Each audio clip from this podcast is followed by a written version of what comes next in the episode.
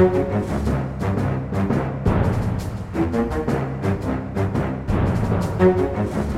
Velkommen til denne ukas Aftenpodden. Da er vi i gang. I studio er vi tre stykker i dag. Sara Sørheim er borte, opptatt med et eller annet viktig i NTB, men du er her. Trine Eilertsen, god dag. Ja, dag. ja, jeg er opptatt med noe viktig i Aftenposten. Yep. Ja. det, er veldig, det er vi veldig takknemlige for. Og du, Kjetil Asheim er også opptatt med noe viktig her og nå.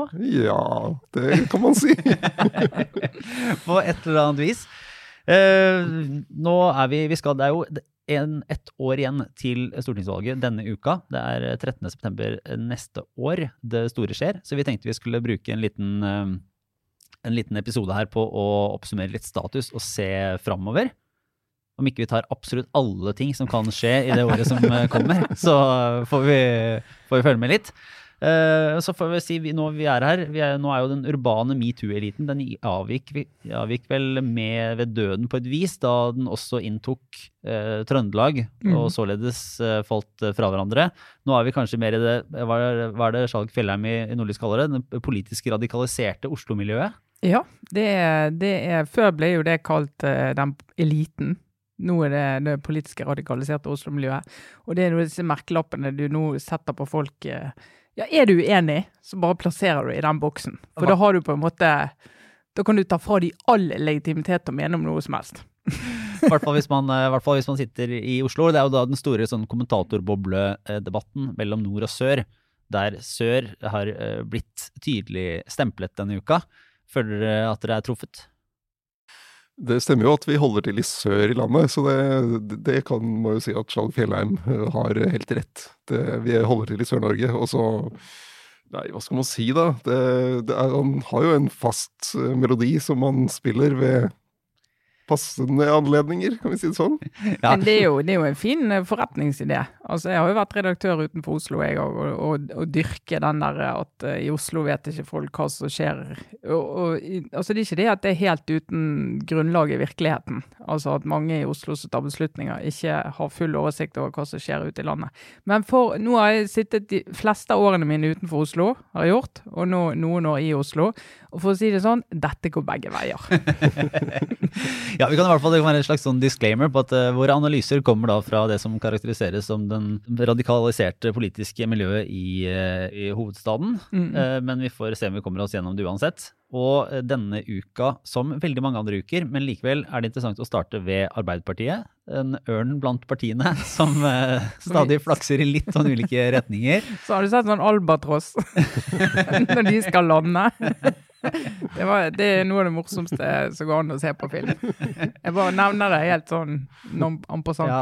Og så er jo spørsmålet om, eh, om de kommer, eh, kommer opp i lufta. eh, Og du, Kjetil, har jo vært på landsstyremøte til Arbeiderpartiet. Og hva Ja, det var, måte, det var første, gang de, første gang de møttes fysisk siden ja, for et år siden omtrent. Altså etter lokalvalget i fjor. Og så skulle de hatt et møte i mars, men da var det jo skjedd ting. Så det var bare sånn de tok på, på internett og bare formaliteter, egentlig.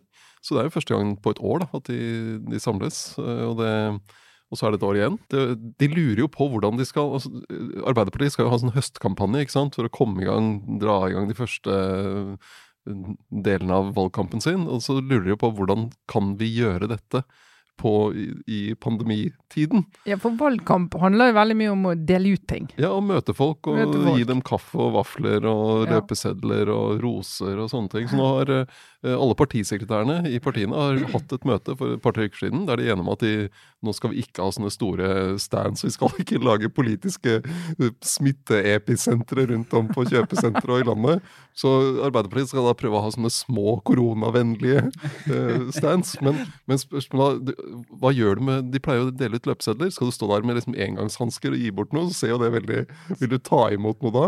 Eh, Så noe av det de, de vil prøve, er å ha sånne QR-koder som de skal vise fram, som folk kan liksom skanne med mobilen sin for å få, for å Men få jeg tenker- politisk budskap. da. For det første så er det jo kanskje det er jo litt praktisk både for de som uh, slipper å arrangere alt dette, og bare si sånn Nei, jeg vet ikke om vi kan gjøre dette i år, jeg. Jeg tror vi skalerer det ned til uh, Det er også veldig kjekt for de som kanskje ikke får så store folkemengder at de risikerer et episenter. Så kan de i hvert fall si at nei, vi har, vi har skalert det ned, vi i år. Men uh, spørsmålet er jo om, om dette på, på lik linje med noen sånne bransjer blir endra for alltid Mm. uh, av, uh, av pandemien og måten man løser ting på. For jeg har i hvert fall lurt på nå de siste valgkampene om sånn er hele den der massemobiliseringa, at du står på stand, at du deler ut ting, at du banker på dører, alt det, om det på en måte er, har en, sånn, et faktisk resultat i at nye folk går og stemmer, eller at det først og fremst er en måte å mobilisere dine egne på, da, til å, til å gjøre et eller annet som virker meningsfylt i en valgkamp som, som ellers kanskje ikke foregår så mye på, på dørbank. Mm. Men er det, går de da og tenker at dette er et, sånn- et faktisk stort tap for muligheten til å påvirke velgere, eller er det en sånn eh, valgkampen mister litt sånn fremdrift og entusiasme? Ja, jeg tror nok det er også den dørbanken, det å oppsøke velgere ute og faktisk minne om, når det nærmer seg valg, da, minne om at eh, nå er det valg og eh, her er vi, og hvis du lurer på noe mer, så kan du få vite noe. Mm. At det har vært viktig for, for partiene. Og det er jo, hvis du kommer der i pandemitiden da, og med munnbind, så er det jo spørsmål hvor hvem har lyst til å få, få det besøket på døra. Det blir liksom mer halloween-stemning enn valgkamp. Men det er, jo, det er jo lett å tenke at det er en litt sånn gammeldags måte å drive valgkamp på. Men eh, partiene, altså både med dataverktøy og eh, altså Du går inn og finner ut f.eks. De regner jo helt ned på Det er jo siste mandatet. sant? Ofte er jo en kamp, særlig for de små partiene, eller siste mandatet i en valgkrets eller et fylke, da, eh, som de kjemper om. Og Det kan jo handle om bare noen hundre stemmer, og det kan handle om en bydel. eh, Hvor de vet at der har vi egentlig der har vi hatt godt gjennomslag før.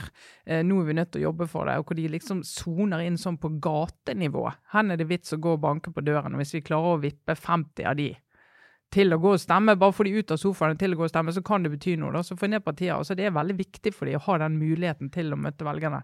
Og det er jo noen som aldri får noen hjem på døren, og det er fordi at de regner seg frem til at men du kommer uansett til å stemme det.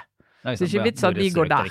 Eller det er bare ett parti du møter. sant? Mm. Sånn at du trenger ikke, Vi trenger ikke bruke energi på det. Men hvis man ser bort fra det rent uh, praktiske da, ved gjennomføringen av den valgkampen, uh, hvordan var det Jonas Gahr Støre fyrte opp uh, det som kanskje ses på som en vel så stor utfordring, den på en måte, politiske entusiasmen i, i sin tale? Altså land- Landsstyret, altså det er representanter fra hele landet, Ja, gjerne fylkesledere og noen Er det noen i tillegg? ja det er noen fra stortingsgruppa og sånt. da. Og sentralstyret er jo der. Men en av arbeiderbevegelsens sanger er jo denne 'ta hverandre i handa og hold'.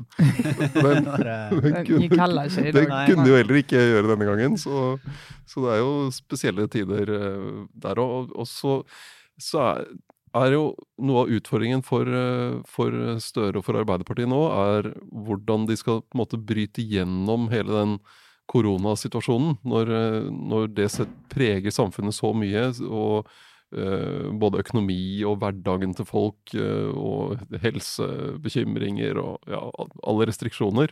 Det da å komme med noe, noe andre ting eh, som handler om retning for samfunnet, som, eh, som eh, Støre snakket om i, i talen, det er ganske vanskelig. Så spørsmålet er hvordan det blir i, i løpet av det kommende året. Hvor, hvor, hvor lenge er det pandemien stjeler det meste av dagsordenen? Det er jo hvor, hvor opptatt er folk av fritt behandlingsvalg for eller mot når det er egentlig arbeidsplasser og pandemi de Ja. lever i. Mm. Nei, for Den får jo litt sånn inntrykk uh, av at Arbeiderpartiet De får ikke politikk til å se veldig lett ut om dagen. Det er, det er jo litt sånn når du ser noen som er på idrettsutøvere som, øh, som er i sonen og får ting til å flyte, så ser alt veldig, veldig greit ut. Og, Trygve Slagsvold Vedum, typisk. ja, ikke sant? Det er jo klassiske eksempler på, på dette, har flyttet på den bølgen en god stund.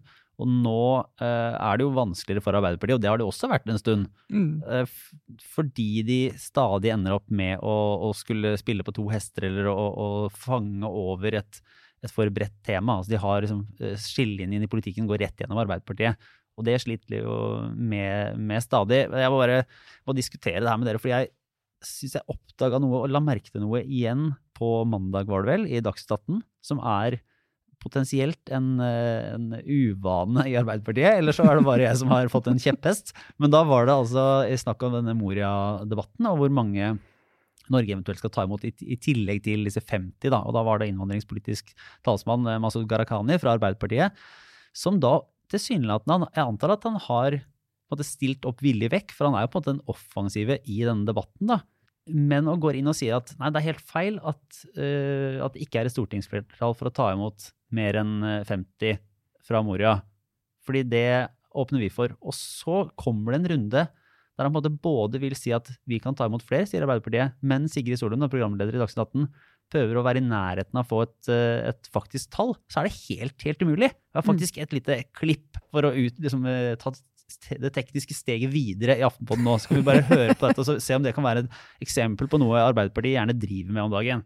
Men hvor Så- mange er flere enn 50? Ja, Det mener jeg at det er avgjørende at det er regjeringen, gjennom de samtalene de nå har med andre europeiske land, og sammen med Hellas, på hvordan de skal stille opp for Men de de for har hatt den samtalen, det ble 50 det. Nei, Det vi vet, det er at de 50 de har kommet fram til, er en forhandling seg imellom i regjeringen. Det er feil å låse seg til tall som blei tenkt ut før det forferdelige som nå har skjedd i men, Moria. men har ikke dere noe tall? Altså Snakker dere om 10 flere, 20 flere, 100 flere, 1000 flere? Arbeiderpartiets standpunkt er følgende. Det er at Norge skal stille opp. Vi mener 50 er for lite. Men vi er et seriøst parti som mener at det er Norge, gjennom de samtalene vi nå har med andre europeiske land, og sammen med Hellas, på hva som er det riktige tallet. Men det å da si at 50 er nok, vi skal ikke stille opp for flere eh, enn det, det mener vi er feil. Norge har rom til det. Vi må gjøre det på en Jo, skikkelig men Hvis dere selv har foreslått 500 flere kvoteflyktninger tidligere, så vet vi at disse skal tas av. Er det da 500? Er det i det liksom, leiet det ligger, eller? Altså, det er jo sånn verden funker. At Stortinget kan vedta overordnede politikken. Det har vi. Vi fremma 500 flere kvoteflyktninger. At en andel av dette skulle man sammen med FN vurdere om det var de med beskyttelsesbehov fra Moria. Det ble stemt ned. Så er realiteten det er ikke Arbeiderpartiet som skal sitte i disse Nei, ok, så dere har ikke en egen politikk på dette, da? Så jo da, vi har en egen det- politikk på ja, det. Hva er den, da? jo, det er 500 flere kvoteflyktninger. Det er det rommet vi har, som vi ble stemt ned på av Ropstad og av KrF. Så poenget mitt er at det å skyve ansvaret på andre i Stortinget er feil. Hvis regjeringen vil, og det er politisk vilje til det, så er det mulig å ta imot flere enn 50. Det kommer vi til å støtte. Men den Ja. jobben, hvordan det skal praktisk gjennomføres, det må regjeringen gjøre. For det er de som sitter i de samtalene med andre europeiske land, og sammen med Hellas. Det er så utrolig komplisert. Ja. Og, og det og så skjønner jeg ikke helt uh, hvorfor man tenker at ok, vi skal gå inn her, så skal vi si A, og så skal vi absolutt ikke si B. Og dermed så blir det en sånn metadebatt, der man debatterer hva det er flertall for i Stortinget, ikke diskutere øh, om man faktisk skal ta imot enda flere. Eller altså Ja, og argumentere saken, for det, Ja. da. Men, det, men vi har jo sett det litt eh, i Arbeiderpartiet de siste halvåret. Har vi jo flere eksempler på at Arbeiderpartiet da bestemmer seg for å være offensive i den mest diskuterte saken i landet akkurat nå. Uh, de gjorde det under, før sommeren i forbindelse med koronatiltak, da Ingvild Kjerkol hadde en legendarisk opptreden i Politisk kvarter med programleder Astrid Randen. Og var, skulle, var kritisk, liksom. Nå må vi lette opp på tiltakene. Og Randen prøvde heroisk å finne ut ja, hva retning, hvor skal vi, hva, hva tenker dere på? Nei, det, det må jo regjeringen finne ut av. Men vi hører jo at de, vi er imot at skolene skal være stengt så lenge, og det er jo regjeringen òg, men nå må vi lette på tiltak. Altså, det var helt sånn, du ble sittende og bare klø på ryggen, sant. Og samme med rundt iskanten, hvor det var så utrolig vanskelig å få Arbeiderpartiet til å mene noe før eh, regjeringen kom med, med sitt eh, forslag. Eh, For det var litt sånn, ja, men det er jo regjeringen som må komme med forslagene, og så skal vi ta stilling til det. Og det er veldig sånn, hva skal jeg si, veldig sånn pussig måte å drive politikk på. De tidligere eh, opposisjonspartiene har jo et, et klart standpunkt som de da kjemper for. Arbeiderpartiet hevder jo her da i gjentatte debatter at, at de, måtte, ja, men de er et såpass seriøst og ansvarlig parti at, at de ikke vil komme med forslag før regjeringen har kommet med forslag. Altså, er det et argument som har noe tyngde eller er logisk? Heter? det? Dette er jo ikke et parti som nyter å sitte i opposisjon, tror jeg vi kan, eh, kan slå fast. Altså, det, det, denne Moria-debatten har jo vært vanskelig for Arbeiderpartiet hele våren, og, og også nå. Eh, Det er jo Arbeiderpartiet vedtok jo en ny uh, flyktning- og migrasjonspolitikk på landsmøtet i fjor. eh, Som Gharahkhani hadde jobbet med. Og da var jo det sett som en, det var en stor seier, da, var det ikke det? det var en Liksom, stor seier for Gharahkhani, og Johan Jonas. Gahr Støre har jo stilt seg veldig bak det og, og forsvart det. Og da var jo eh, prinsippene var at vi skal bruke eh, mest penger på, eller mye penger på å hjelpe flyktninger og folk i, i nød i de områdene der de fleste av dem befinner seg. Eh, Og så skal man, som skal, De som skal komme til, tas inn i Norge, skal være kvoteflyktninger. Og så kommer denne Moria-diskusjonen nå i vår, og så, da, så blir Arbeiderpartiets løsning blir å legge på 500 eh, kvoteflyktninger til. Og det er jo meningsløst av to grunner. Det ene er at eh, for det første så så kommer det ikke så mange kvo- kvoteflyktninger til Norge i år. Det ligger an til 2000 pga. koronasituasjonen osv. Så videre. sånn at det å legge på 500 til, da er det bare ja, det, det, Det gir ingen Ja. utslag. Det andre er at det er ikke kvoteflyktninger man henter fra Hellas. De eh, Kvoteflyktninger eh, kommer fra, fra, andre deler av verden. Ikke, de som er i Hellas, er ikke avklart. Kvoteflyktninger, der har jo FN gått inn i saken og avklart at dette er en person som trenger beskyttelse, og som kan, ikke kan få det, det, eh, på det stedet der vedkommende er nå. Mens de som er i Hellas, er asylsøkere der du ikke har avklart beskyttelsesbehovet. Så det er en helt annen historie. Men da var det sånn vi legger på 500, og dersom regjeringen i samtale med FN kommer til at vi kan ta ut noen fra Hellas, så er det helt greit for oss. Mm. Og så kommer brannen, og så sier de vi skal ta ut flere enn 50. Vi skal bruke noen av de ekstra 500 til å ta ut noen fra Hellas. Men vi ikke se hvor mange.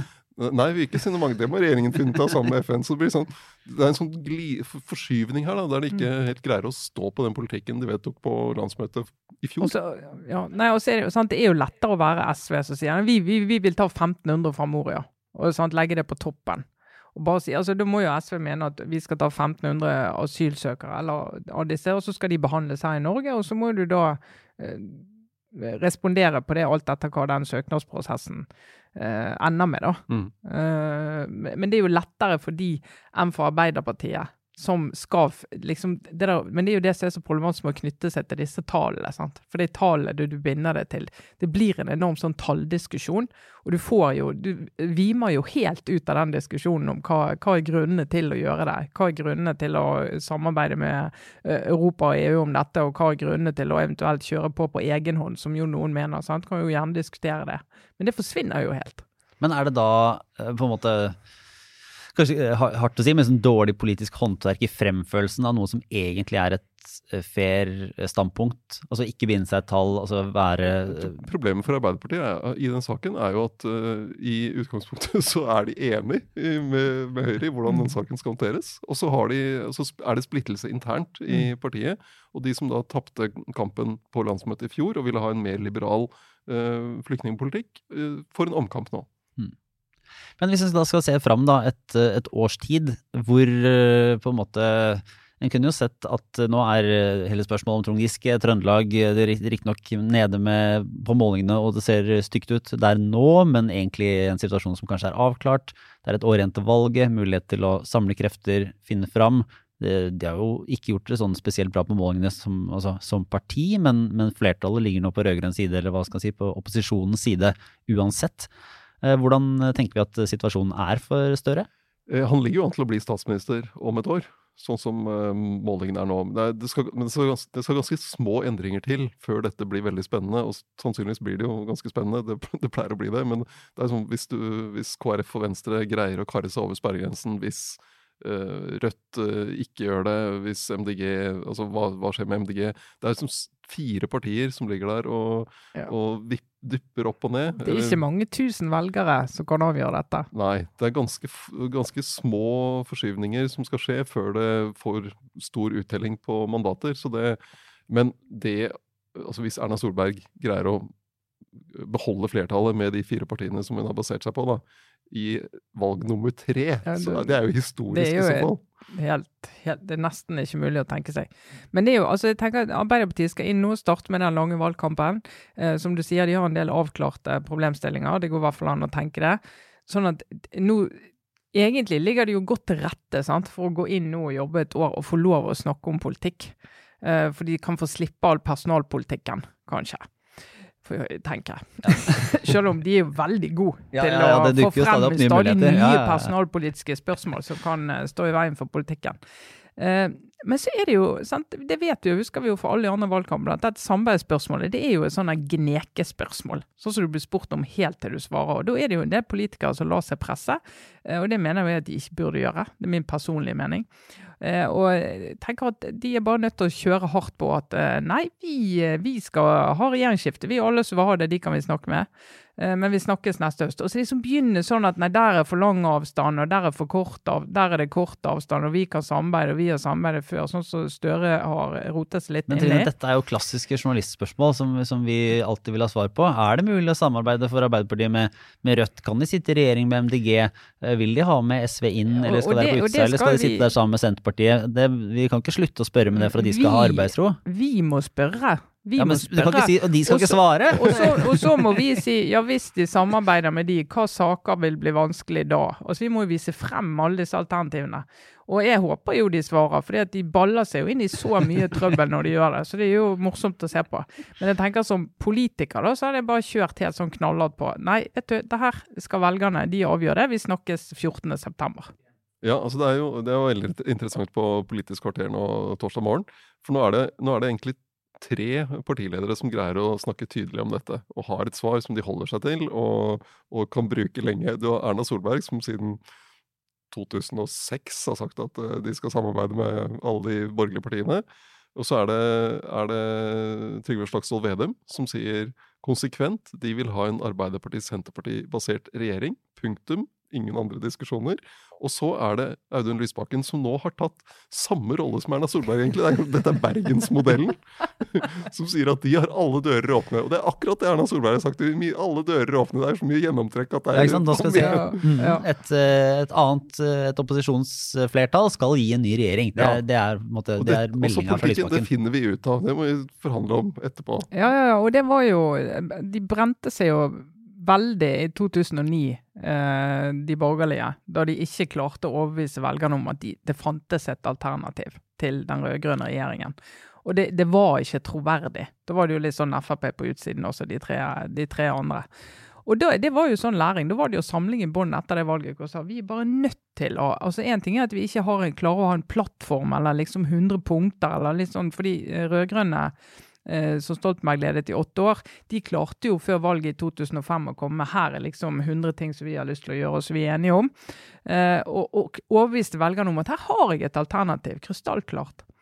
Eh, men, og de sa jo de borgerlige vi klarer ikke å, komme med et så klart alternativ, men vi er et alternativ, for vi har bestemt oss for å få det til. Eh, og så sier Erna Solberg jeg håper alle blir med, hvis ikke de blir det, finner vi andre måter å gjøre det på. Og det Mm. gjorde hun. Og det har hun jo klart å holde på i åtte år. Sånn at liksom neste høst, det der å, å, å kreve at liksom du skal vite hvem som utgjør flertall i en regjering, som sitter rundt bordet i en regjering, det tror jeg en del politikere Og skal og og uh, akkurat det, der har jo både Venstre og Kristelig Folkeparti svidd seg på hvor, hvor det at de før, altså i valget i 2017, så var jo KrF tydelig på at de skulle ikke i regjering med Frp. Venstre hadde en annen, litt mer åpen formulering, men det var jo veldig få også innad i partiet som fikk med seg In. Intensjonen ble i hvert fall oppfattet sånn. Ja. Og så har vi sett all, alt det som eh, av det har medført av problemer etterpå, når de faktisk da gikk inn i regjering med, med Frp etter hvert. Og så, så, så det, å, ja, det å prøve å være tydelig om noe som du kanskje blir nødt til å justere på etterpå, det, er, det straffer seg. altså. Men, nei, men altså, Jonas Gahr Støre og Arbeiderpartiet, har de ikke endt opp De har jo bare kommet med litt sånn drypp og ting eh, litt etter litt. Eh, altså, Han sånn, åpnet og lukket dører litt ja, sånn. ja, fordi han, altså, fordi, eh, for, I forrige valgkamp så åpna han Sjokkløfting. Sjokklufting. Ja. sjokklufting. Pilt-episode, egentlig. For referanse for eh, eldre lyttere der, altså. Ja, fordi han åpna døra for KrF, og så lukka han døra for KrF. Og så eh, har han vel lukka døra for Rødt og lukka døra for MDG. Mm. Og så vil Raymond Johansen ikke lukke døren 5DG, for han jobber jo med de i Oslo og, og liker å nevne det sånn en gang i måneden. Ja, men, men, eh, men er, det på, er det ikke egentlig da at, at Jonas Gahr Støre har sagt at vi sitter i regjering med Senterpartiet og eller SV, Senterpartiet og SV, ja. Det er og så jo eh, vi skal ikke, ikke sitte i regjering med MDG, Rødt, men vi skal ha et slags samarbeid. Altså, er, ja, jeg merka at det var mange elementer, men det er jo ikke så utydelig, er det da? Eh, Det er litt sånn eh, spørsmål om hvorfor han, eh, hvorfor han gir fra seg handlingsrom. Ja, det tenker jeg jo. Hvorfor går han så detaljert til verks? Ja. Så, så er det jo press fra hans egne, selvfølgelig. sant? Du har den gjengen som sier at vet du hva, du må bare gå klart og tydelig og si til våre industrivelgere at du ikke skal samarbeide med MDG. Det må du bare gjøre. Men nå må du jo jobbe inni partiet da og si hvorfor du ikke gjør det. Hvis du ikke gjør det. Men han gjør jo det. Fordi, eh, fordi, eh, sånn som eh, Senterpartiet tenker, da, med å si at de vil ha en Arbeiderparti-Senterparti-basert regjering, den vil jo sannsynligvis ha, være en mindretallsregjering. Er, de har jo ikke flertall sammen på målingene. Men det er en regjering som vil kunne samarbeide i litt, ska, skape flertall i litt ulike retninger. Og for Senterpartiet, som, som da ligger eh, tross alt eh, som sentrumsparti, så er det det å kunne samarbeide med KrF i noen saker, f.eks., er veldig attraktivt. KrF og Senterpartiet ligger jo nær hverandre i, i, på veldig mange områder. Eh, Så det å se an hva, hvilke muligheter har vi, hva er det velgerne gir av muligheter, hvordan blir matematikken på Stortinget når valget er over, det er jo rasjonalet til Senterpartiet. Også, det er det ene, altså rent sånn faktisk. Og så er det det å slippe alle de spørsmålene. Bare ha ett svar som de gjentar og gjentar og gjentar, og står fast ved. For det vet jo vi journalister, at når vi får det samme svaret, så, så blir vi litt sånn Nei, men nå må ikke vi plage, plage publikum med at vi, at vi absolutt skal ha svar på det spørsmålet. Så vi har jo alltid visst at det ikke er vits å spørre Erna Solberg om det så veldig mange ganger. Du Mm. trenger ikke spørre ti ganger. Men Knut Arild Hareide under valgkampen i 2017, da var det jo vits å spørre ti ganger, for du fikk jo nytt svar hver gang du spurte. Men eh, hvis vi bare eh, kjapt ser på, eh, på hvordan de andre opposisjonspartiene sånn sett ligger an per i dag, så altså Senterpartiet gjør det fortsatt egentlig ganske så solid. Dabber litt da, kanskje, men det ligger jo godt an. Det gjør det. Mm. Største parti i nord, i nord i hvert fall. Ja, det har vi fått med Det er oss. veldig interessant, Ja. altså. Ja. Mm. Og for øvrig, det har vi jo snakka om før, men de får jo nesten ukentlig igjen, apropos å ha ett svar som du kan gi på alt, Mm. eh, så er jo Trygve Slagsvold Vedum både veldig disiplinert i å, å gi eh, de samme svarene veldig mange ganger, eh, men også på de, de spørsmål som kommer på innvandringspolitikk, også på Moria og allting, så kan han alltid nå vise tilbake til det store, brede Uh, flertalls uh, liksom samarbeidsløsningen fra 2015 og si at uh, ja, Senterpartiet har tatt ansvar før, vært med å sy sammen en løsning. Der mener vi at her må politikerne komme sammen og finne noe som er best for hele landet. Og så parkerer han så å si alle spørsmål om, om asyl og innvandring på akkurat den. Og der har det liksom skapt seg selv en, en mulighet til å parkere et, et eh, spørsmål som Arbeiderpartiet ikke er i stand til å parkere, da. Selv om de alltid egentlig vil ligge tett opp til høyre. Mm. Men, eh, og SV de egentlig ligger eh, også i en sånn, eh, om ikke akkurat under radaren, så krysser inn en god måling hele veien. og Ja, I byene, store byene og i Bergen for eksempel har de jo Mm. gjort det veldig bra. Og, mm. Og så er det jo, et, Jeg syns det er veldig spennende med, både med, altså med alle disse rundt sperregrensa som vi var innom, men hva, hvordan Rødt klarer seg her. De har jo ligget nå over sperregrensa veldig lenge. Eh, og så har vi jo sett ved tidligere valg at de har, det har sett greit ut for dem på målingene, og så kommer valgdagen, og så, så, ja, så kollapser det. Men nå har de jo, som vi var innom her før sommeren en gang, nå har de jo flere profiler rundt Mm. i landet. Og Mimir Kristiansson har jo meldt seg på her nå. Han vil på Stortinget. Han vil på Stortinget, og jeg tror kanskje han vil, selv om det er koronatid, så vil han greie å drive valgkamp. Ja, ja. Det kommer ikke til å stoppe opp helt. Men det, men det er jo interessant, det der, for det er jo ref eh, valget i USA der vi alle fant ut at vi brukte for mye energi på nasjonale målinger i 2016 og trodde at vi forsto hva som skjedde i USA. Eh, og ikke gikk ned på delstatsnivå. Og det er jo, det Sånn er det jo i Norge. og Vi har ikke hatt den type bommer i Norge. Men når du ser på de nasjonale målingene, så det som teller, er jo å gå ned på fylkesnivå og se på liksom hva som skjer med mandatene på fylkesnivået. da. Og der er det jo ikke så mange målinger. sant? Det handler jo både om ressurser og, og alt som er. Sånn at eh, vi må liksom nærme oss mye mer valgdagen før vi får gode data på det. Og akkurat da kommer det jo opp hvor realistisk er det at MDG og Rødt kommer inn med, med en gruppe av betydning, da. Ikke sant? Og kanskje i Arbeiderpartiet så sitter de jo selvfølgelig og, og De drømmer jo om et eh, flertall, åpenbart. Men de, drømmer heller, de vil heller ikke ha et for sterkt Senterparti. For da blir jo situasjonen veldig Altså fort veldig tungvint. Altså De velgerne som har gått fra Arbeiderpartiet til Senterpartiet, de vil ha noe av dem tilbake for at ikke det skal bli en utrolig slitsom eh, regjeringsperiode, også om de får makta. Det ligger an til å bli en helt annen maktbalanse enn det var i den rød- rød-grønne regjeringen. Der var jo, var jo tydelig hvem som var størst.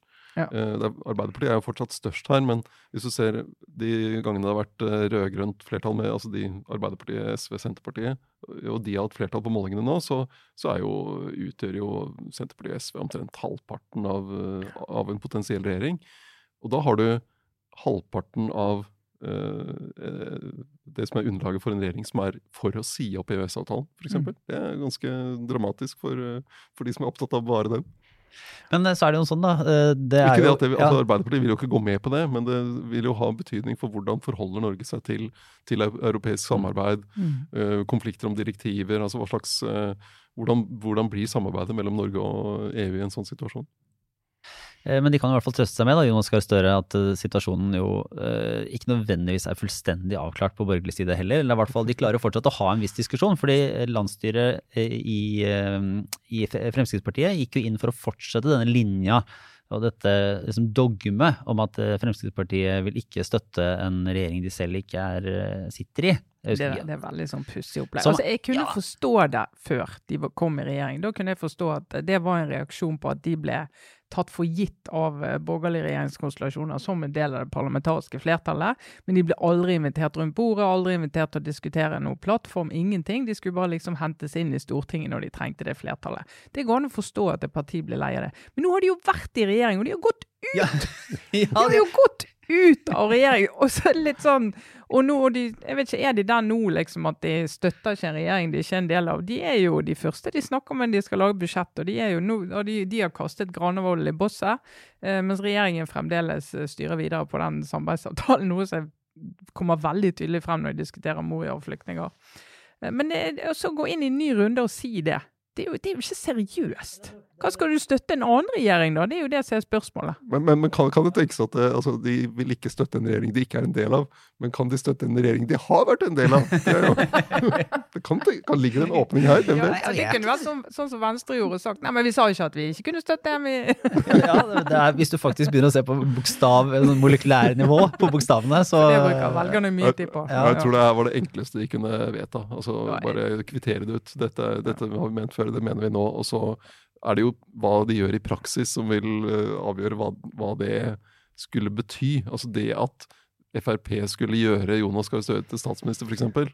Det kommer jo ikke til å skje. Det kan de jo ikke. Det er veldig få praktiske scenarioer der det vil kunne få betydning. Men for de, de, de vil jo i praksis så vil de jo håpe på at, at, eh, at den borgerlige regjeringen sånn som den sitter i dag, fortsetter, men eh, potensielt svekka. Jeg er ikke helt sikker på om du klarer å svekke den, den, den, det flertallet noe særlig mer uten at, den, eh, uten at det ryker, men at Fremskrittspartiet da vokser seg større på et bedre valgresultat og sånn sett få mer innflytelse som eh, støtteparti eh, til regjeringen. Da. Det må være det som er den praktiske Ja, veien det, det videre. må være noe sånt. Ja, de, fri, de skaper litt distanse til regjeringen, og så får de jobbe det, nå det siste året med det de eh, er opptatt av, og som var grunnen til at de gikk ut av regjering, nemlig å bygge seg opp igjen og prøve å få høyere oppslutning enn det de har på målingene nå. Og så kan vel hende at det er deler av Fremskrittspartiet som syns Jeg vet ikke om de vil innrømme det, men syns at det er helt greit hvis de kan være i ordentlig opposisjon en Mm. periode også, og, og faktisk kunne hamre løs på Jonas Gahr Støre i fire år, og, og måte få kunne flyte litt på den eh,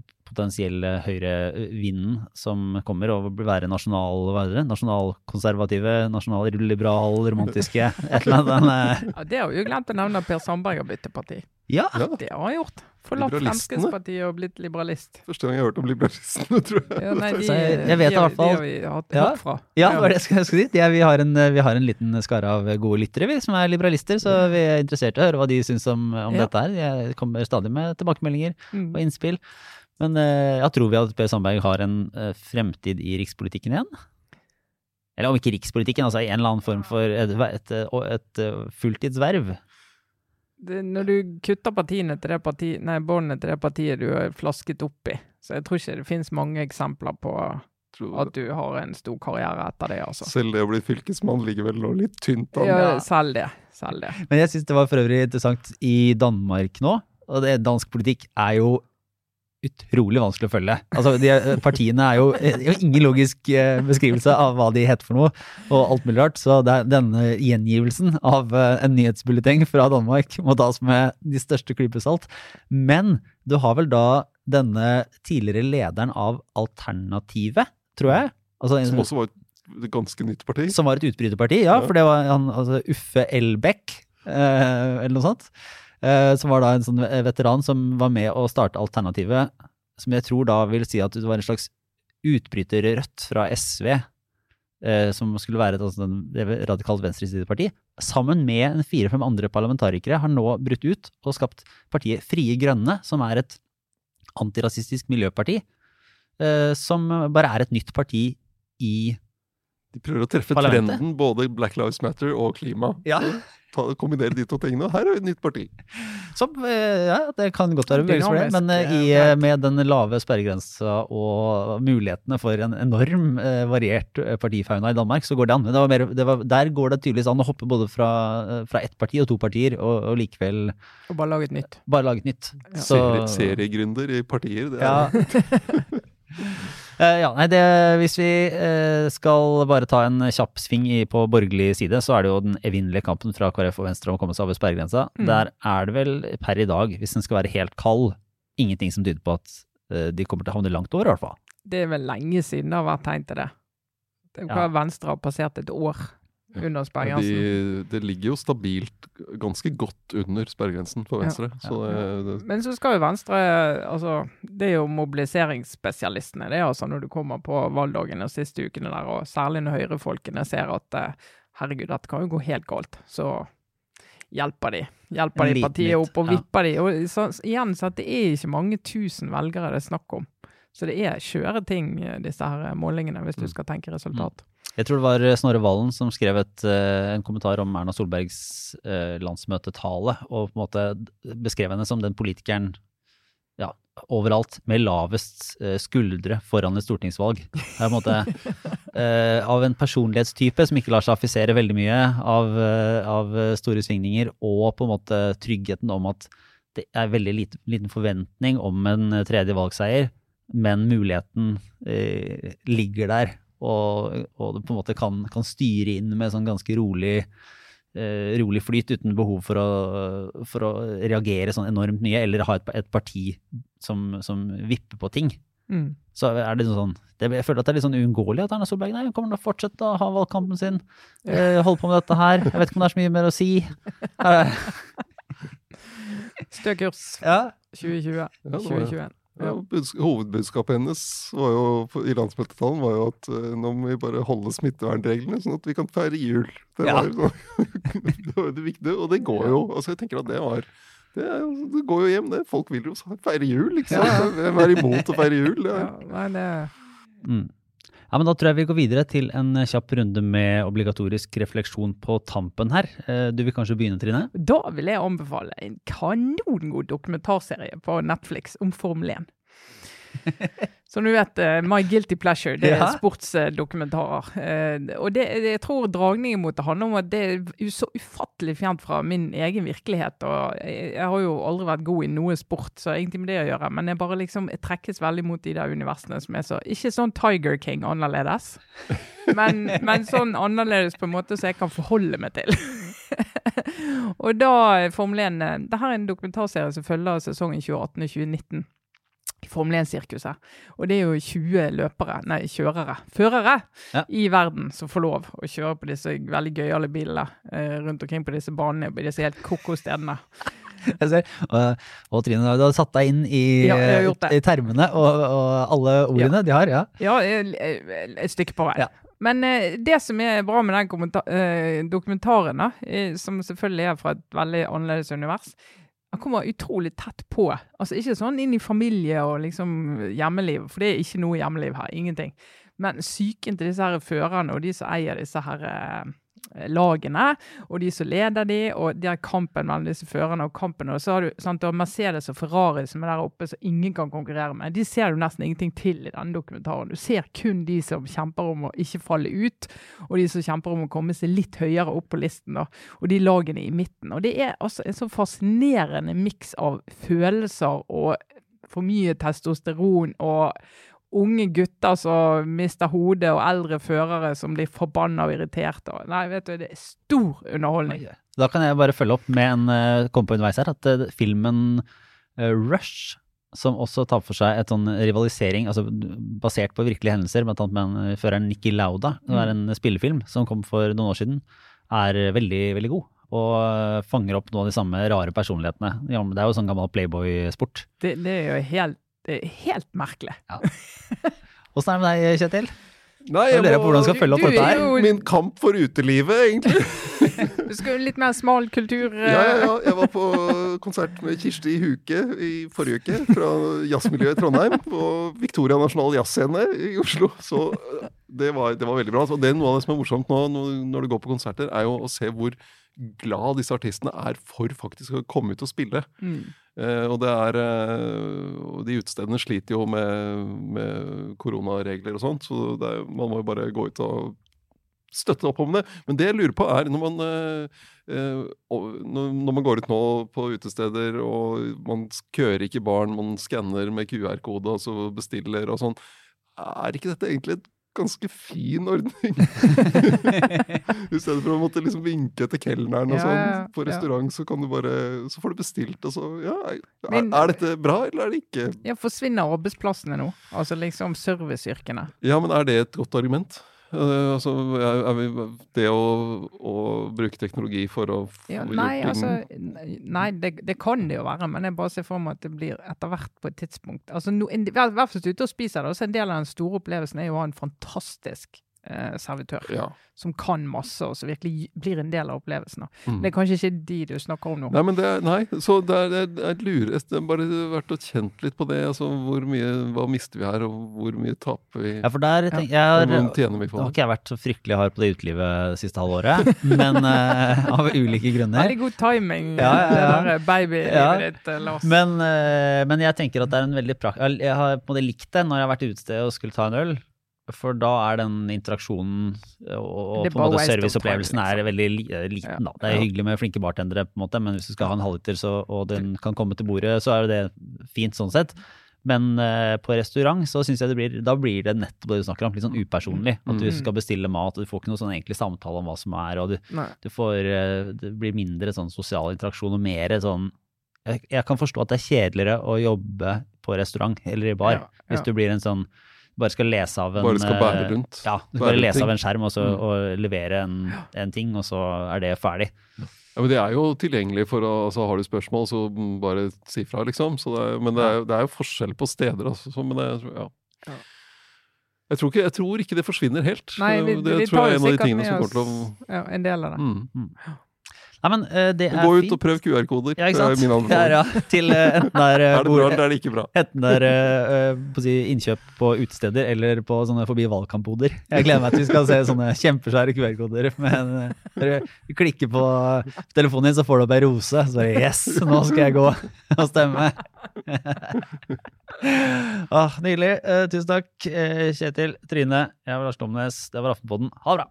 Hei, jeg heter Marit Eriksdatter Gjelland og er programleder i Forklart. Hver hverdag så lager vi en episode hvor vi forklarer en nyhetssak. Og denne uka så kan du høre om hvorfor koronavaksiner har blitt en stormaktskonkurranse, hvordan Kina blander seg inn i det du og jeg ser på kino, og hvor tallet 50 kommer fra når det er snakk om brannene i Moria. Finn Forklart der du hører podkaster.